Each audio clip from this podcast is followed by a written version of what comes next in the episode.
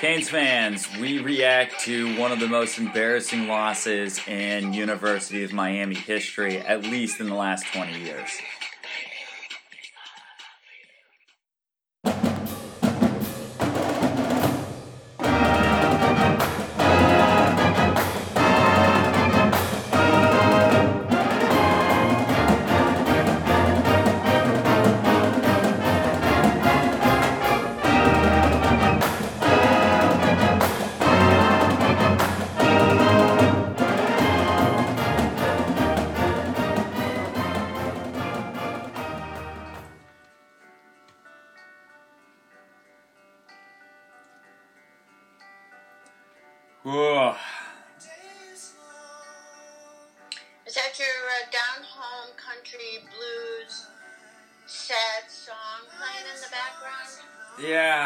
Just this is how I feel. I feel like the season's over. Oh, that's a little harsh. I just that's a bad loss, mom. And not just a bad loss, that's a really bad loss. Well, you know, we talked at the beginning of the season about what were going to be the key games, and you said North Carolina, and you had that right, and I said Virginia Tech, and I guess I had that right too. And we've we've lost both of them. We've lost both of those games. We didn't show up for the first half of both of those games. Those are both games that we easily could have won if we both showed up um, in the first half.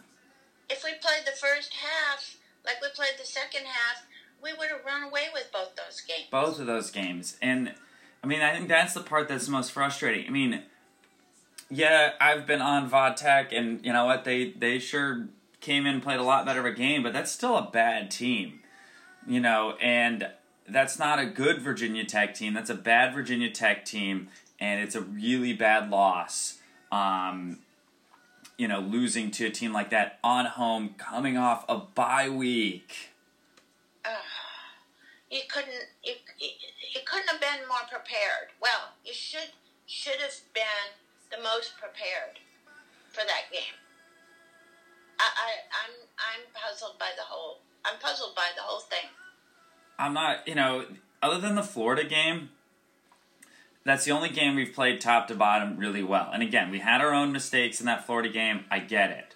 But you played up to that level and how well you played and could have stolen that game to the way that you've played in these games.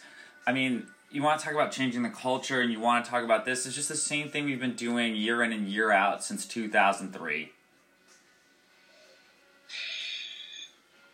You, do you put the blame on the coaches? I make sure, you know, I mean, it's, you know, it's, I, I mean, even then I'm not sure because it's, you know, new coaches, new players, and it's the same results. Um, yeah, I get, I put some of the blame on Manny Diaz. I mean, I definitely put blame on Manny Diaz. I mean, he's got to have those guys going, and it's not like he's coming in as a brand new head coach from a different program. He's coming in with a bunch of guys that he has coached before over the last couple years. So these guys aren't brand new, you know, and it's not just. I mean, it wasn't like the offense just looked flat; it was the defense looked flat. Yes, they gave up three turnovers and made it easy for Virginia Tech to score, but come on, that quarterback wasn't that great. Well, we knew when we talked about this last week, we knew that if Hooker played, his his uh, strength is his running game. Now, if you and I knew that, then certainly the coaches and the team should have known that. But where where was the defense against the running uh, game? And the it other wasn't wasn't there. the other thing too is that you know yes it was not announced until late in the week that the kid was starting but everyone in roanoke was reporting that he was going to start and was the worst kept secret in virginia tech all of last week so again it's not like he all of a sudden was like oh they start playing willis they're going to play willis and then next thing you know i know Maisie, it's tough i know you can be part of the podcast today it's okay we're all hurting Yes, she's she's upset. She's she's letting you know that she too is upset. I know, and I appreciate it. And she brings up a good point about you know, what's frustrating as well is we've lost every game by less than seven points. So we could have won all three of these games.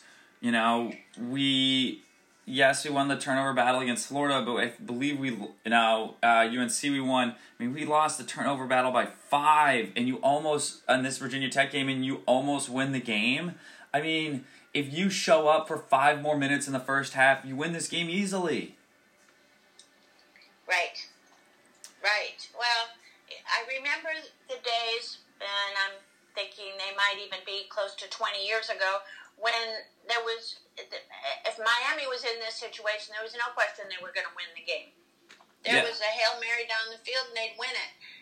Um, in more recent years, we've had some heart heart attack games, but usually they get pulled out.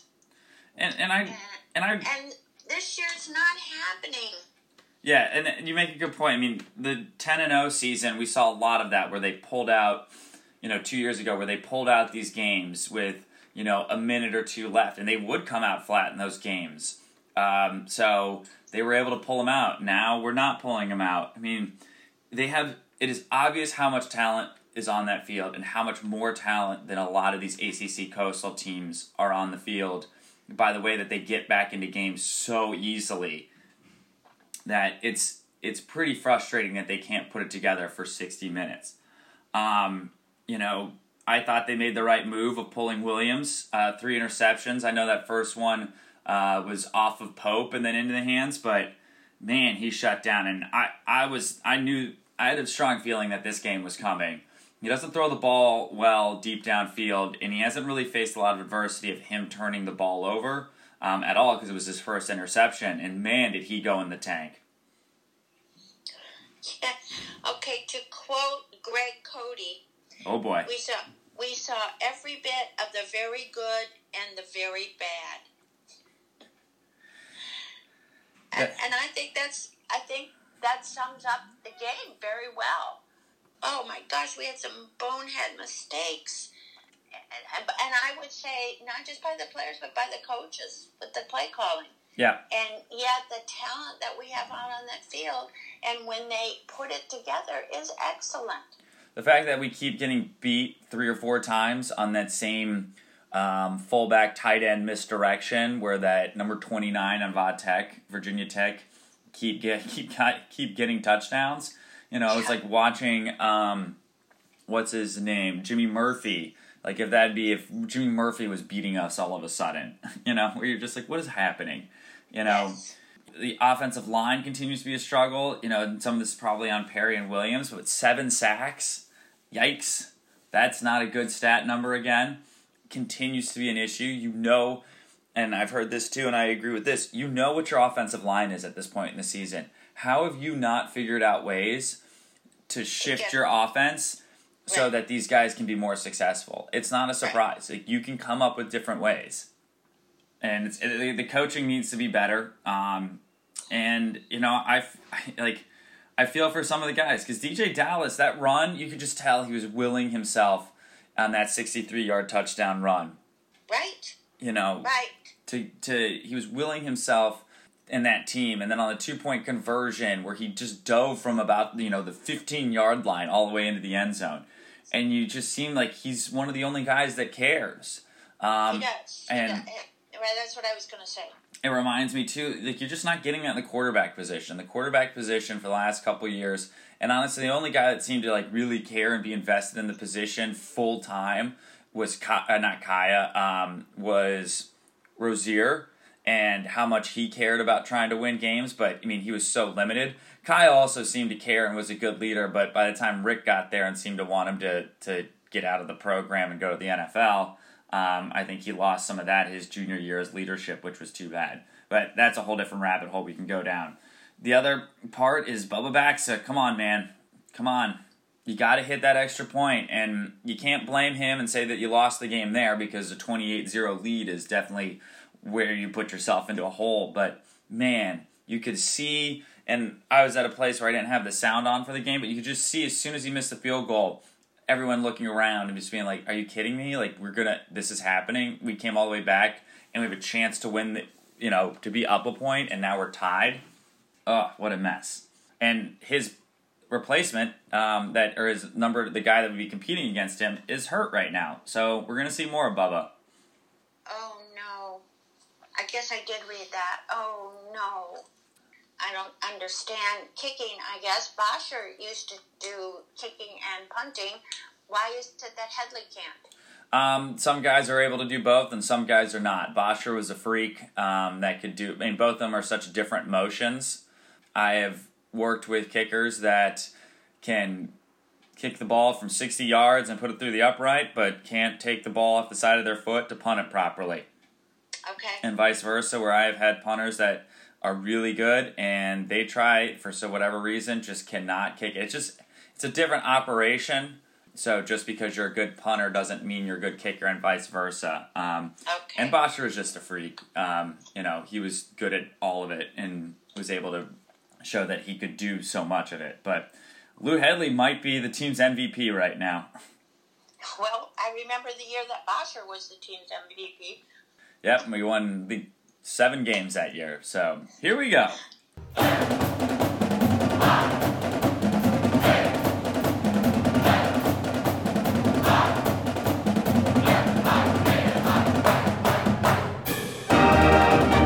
All right, before we get into red beans and rice, I did Tim Reynolds, uh, who actually was one of the first people that did the story on me with Dave Hyde uh, down in Miami and Yes. talking to us.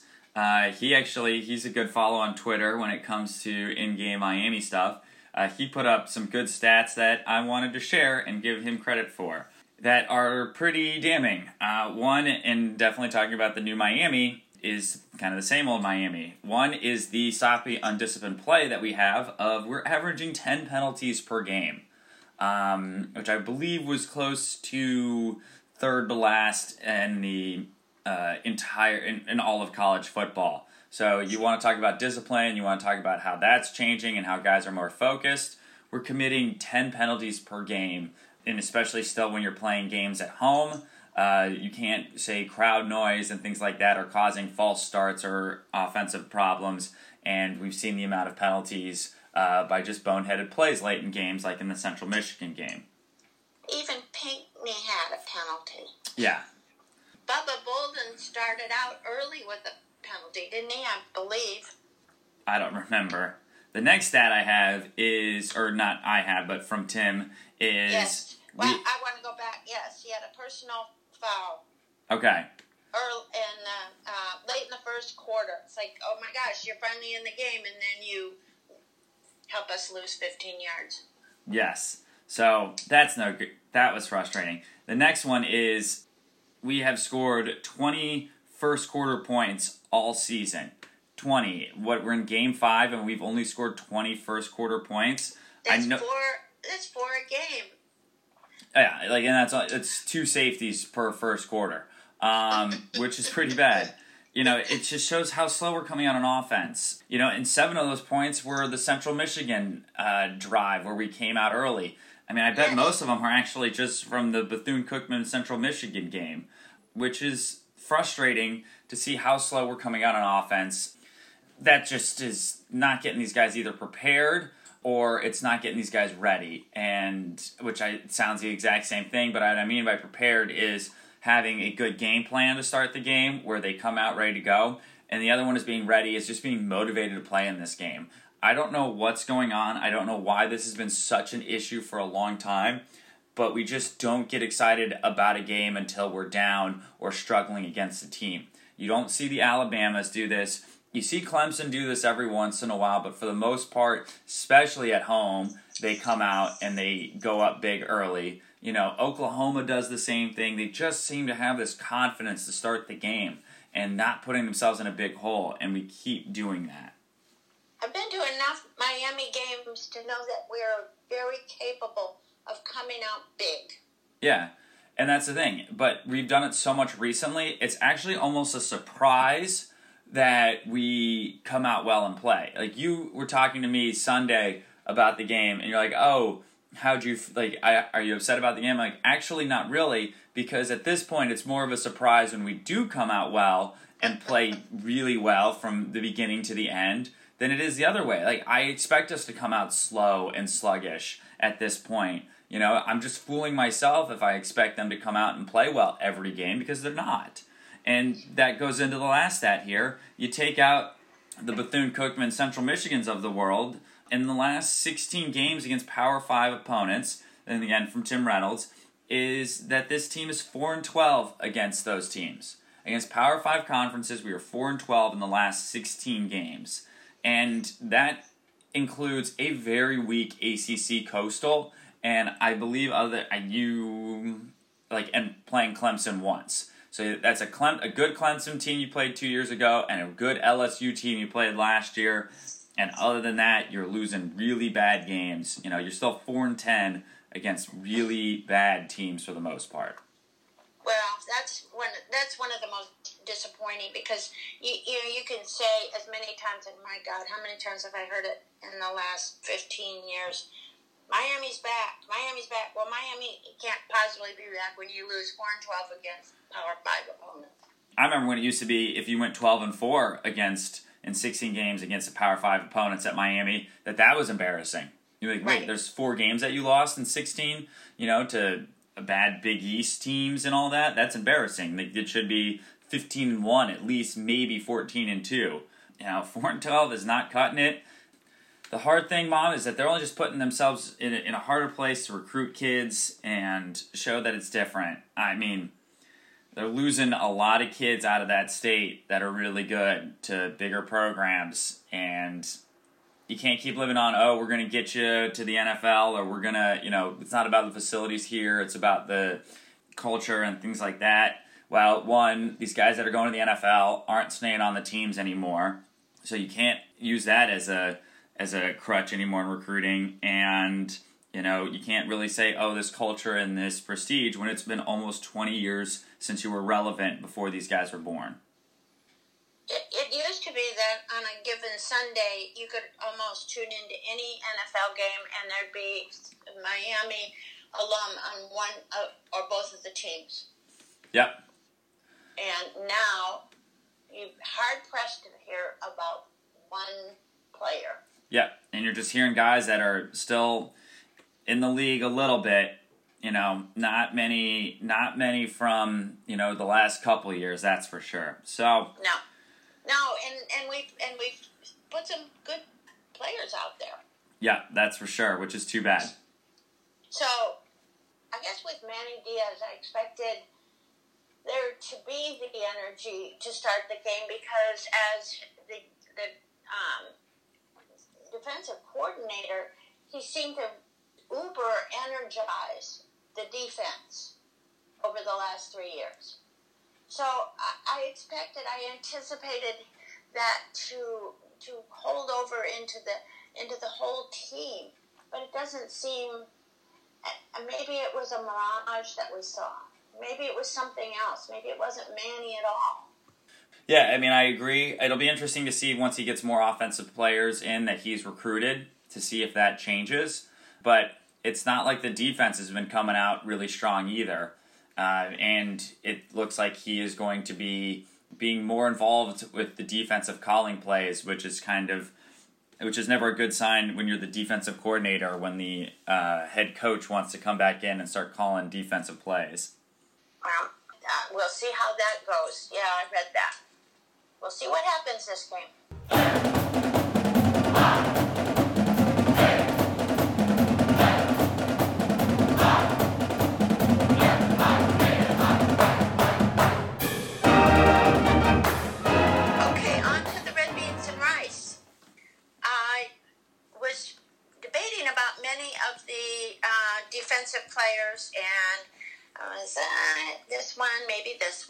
Maybe this one, and I had some good reasons, but nothing very strong.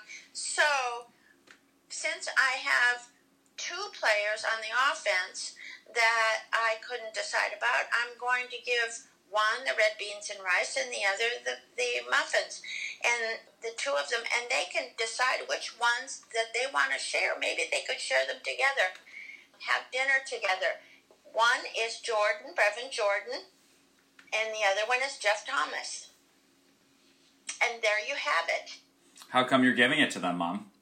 I felt that Jordan was just so he was in so many of the plays and he was trying very very hard as was DeeJay Dallas and again I I keep putting DeeJay back because I'm uh, I'm sure that he will get hands down both the um, red beans and rice and the chocolate chip muffins at some point in the season. He just hasn't gotten there yet. Um, but Brevin Jordan just just played out an outstanding game, and Thomas was well. Thomas and Perry just looked great together, absolutely great together, and it, it was it was the first game this season where Thomas has actually made some great plays. And I don't know if it's a difference in the quarterbacking. I don't know what it is because he certainly has the talent. Yes. Um, it was yeah, it was good to see him back involved with it and how many points that this team can score and how many yards that team can get when both of those guys get going and when DeeJay Dallas uh, isn't just the main guy, which is pretty important for this team if they want to be good and keep scoring points. And it goes back to what you said. Uh, so you've got you've got an inexperienced O line. Figure something out.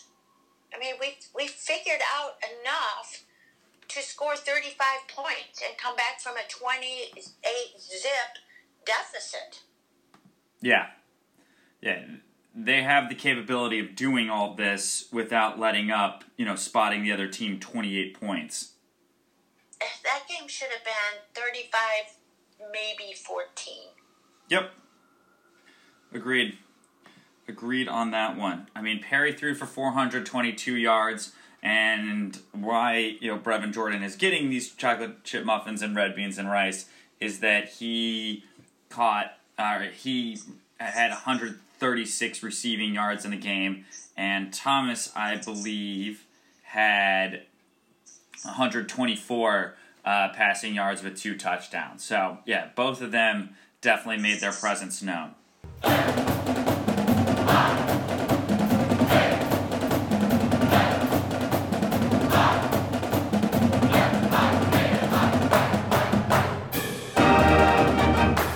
Okay, well the season keeps moving on. Um, we have a Friday night game. Uh, it's a little strange how they keep doing these Friday night games instead of these Thursday night games. It'll be a little bit busy for us. Uh, Thursday night, we got Rays Astros. Uh, you were at the game, game four here of the ALDS. I saw them win the game last night. That's awesome. Um, and could and I was sitting next to an avid UM fan, if there are any left. I found one. Well, that's good. It's good that one. You know, I'm glad you got to see the Rays win, and I'm glad you got to find another Canes fan, which is great, and maybe a good sign for things to come this week. We can only hope, and looking into anything we can for good signs. I'm a bit puzzled by the fact that we are favored in this game. That's strange to me. I don't get it. I'm surprised by that. Uh, I would expect. I mean, Virginia's. I think probably the best team in the Coastal right now, and they always beat us. So I'm surprised that the money line is going towards Miami. Well, I don't understand betting, so maybe there's a reason there. yeah, well, you know, we had a trouble stopping a good mobile quarterback last week with that was very inexperienced. So good news is we're playing another really mobile quarterback who throws the ball even better and has a and lot more experience. Right, right, right. So, so that's what puzzles me about the rank, the uh, the um, not ranking. You know what I mean? The yes, the um, who's favored? Uh, yeah. Yeah. The money line. Um, money anyway, line, thank you. Bryce Perkins is a good quarterback. I said last year watching him, man, if he was playing for us, we'd probably be, we'd have 10 wins or so again because he's talented enough, um, doesn't make too many terrible decisions, and is mobile enough where, yes, he's not going to be an all out amazing player, um, but he can do enough to win you a game. And he definitely gives Virginia the best chance to win the game. He did have five turnovers against uh, Notre Dame. Uh, but man, in the beginning of that game, he looked really good, and it was some things that Virginia did schematically, and then just also a good Notre Dame team finally in the second half took over. But they had a good chance to steal a game up in South Bend. Well, there are some chinks in the armor here. Um, Rob Snyder, who's their leading tackler, is out for the season. Yeah, I mean that's another big one for the Canes, you know, and that could help. Hey, uh, if there's one thing that Virginia proved going into Notre Dame is that they can score early and fast and not intimidated by a road environment. Um, and something tells me Friday night at Hard Rock is not going to be the same as South Bend, Indiana, on a Saturday afternoon. Uh, no, I don't. I don't think it is. Um, but they are well statistically, though. They're five and thirteen in road games that surprises me with that too. And again, where it's frustrating, again, why we can't win a lot of these games. I'm worried that this could get ugly fast and you could really see Miami implode quickly here. If Virginia gets out to a fast start like they did against Notre Dame, I don't see us coming back the same way that we did against Virginia Tech. And I just have a strong feeling you're going to see DeeJay Dallas carrying and everyone else checked out. Well, not everyone else. Most people are going to be checked out and I think it's it could turn it could get ugly. If, if it if it turns into what it did where it's 28-0, it's going to get ugly really fast down there, which is too bad. I I also think that well, I don't know. This is just one of those gut feelings that Virginia might be underestimating Miami. Maybe, and they're coming off a bye week, which for whatever reason works for everyone else except the University of Miami, so that makes me nervous as well yeah, they might be coming down there expecting to win since they beat they they beat us last year in Virginia. It'll be interesting to see if Perry starts since this was the game where Perry threw two interceptions to start the game and then was pulled and then was a pretty bad football game from there between both teams. So that'll be interesting to see if he is, gets to start and comes back uh, for a little redemption after what happened last year. That also being said, uh, Williams uh, has not been throwing at practice, uh, but he's still listed as of this morning uh, when we recorded this, the starter for Friday. All right, well, that leads into what I was going to say. I'm a little confused about the Williams situation because they said he's got a sore shoulder. And even the announcers during the game were talking about the fact that he has a sore shoulder. And the early articles written right after the game were talking about the fact that he was pulled because of his shoulder.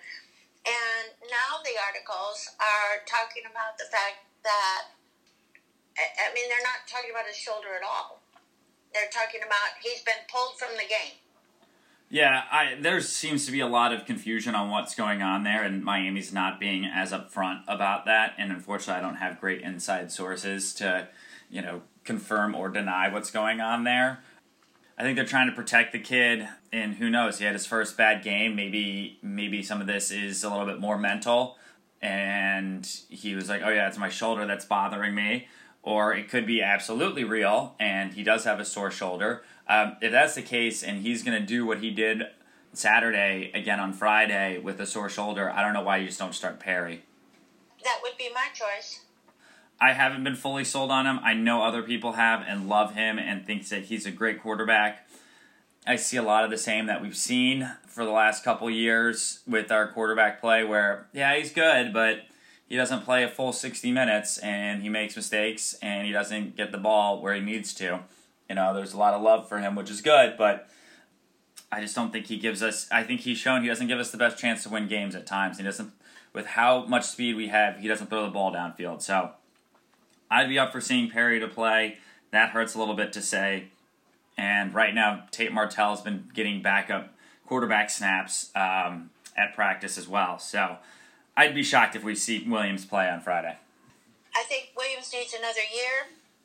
And I think Perry has taken advantage of his year since last year. And and we have Tate Martell as a good backup, a decent backup, not a good backup, we don't know how good he can be as a backup, but he's there. Yeah, you know, it's we, we, it's almost worse situation. It's almost a lot worse. It's almost try and see which which one of these guys you know fits at some point. Try Perry, and then if Perry doesn't work, see what you have with Martell at some point in the season. I mean, it's not like you're really looking at the Coastal anymore to win it, and it's not like you're looking to play in the national championship. So you might as well figure out what you have for next year. Right. Exactly. Let's let's let's use this as um, background. All right, let's uh, get into predictions here, and we'll save your recipes for next week since we've gone way over time today. Okay, I'm predicting. I'm sorry to say this, but I'm predicting we're going to lose.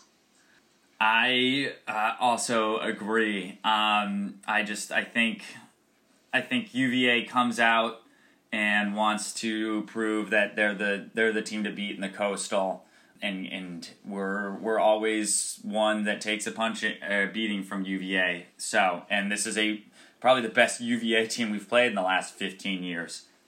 Well, I can only t- take some consolation in the fact that I was sure that the Rays were going to lose last night, and they never they they were never behind. Yeah. So perhaps perhaps I'll be as wrong Friday night as I was last night. Uh, we can only hope. So it'll be a busy night of two nights of sports for us. We'll be pooped by Saturday morning, that's for sure. That's Um, for sure. I you don't worry, Canes fans. Um, we can't always be. We want to be a homer every time, but this time we just can't be. I feel like. Uh, I just yeah. I no more words. I have actually. I'm out of words. Yes, we're done. All right, Done. let's break.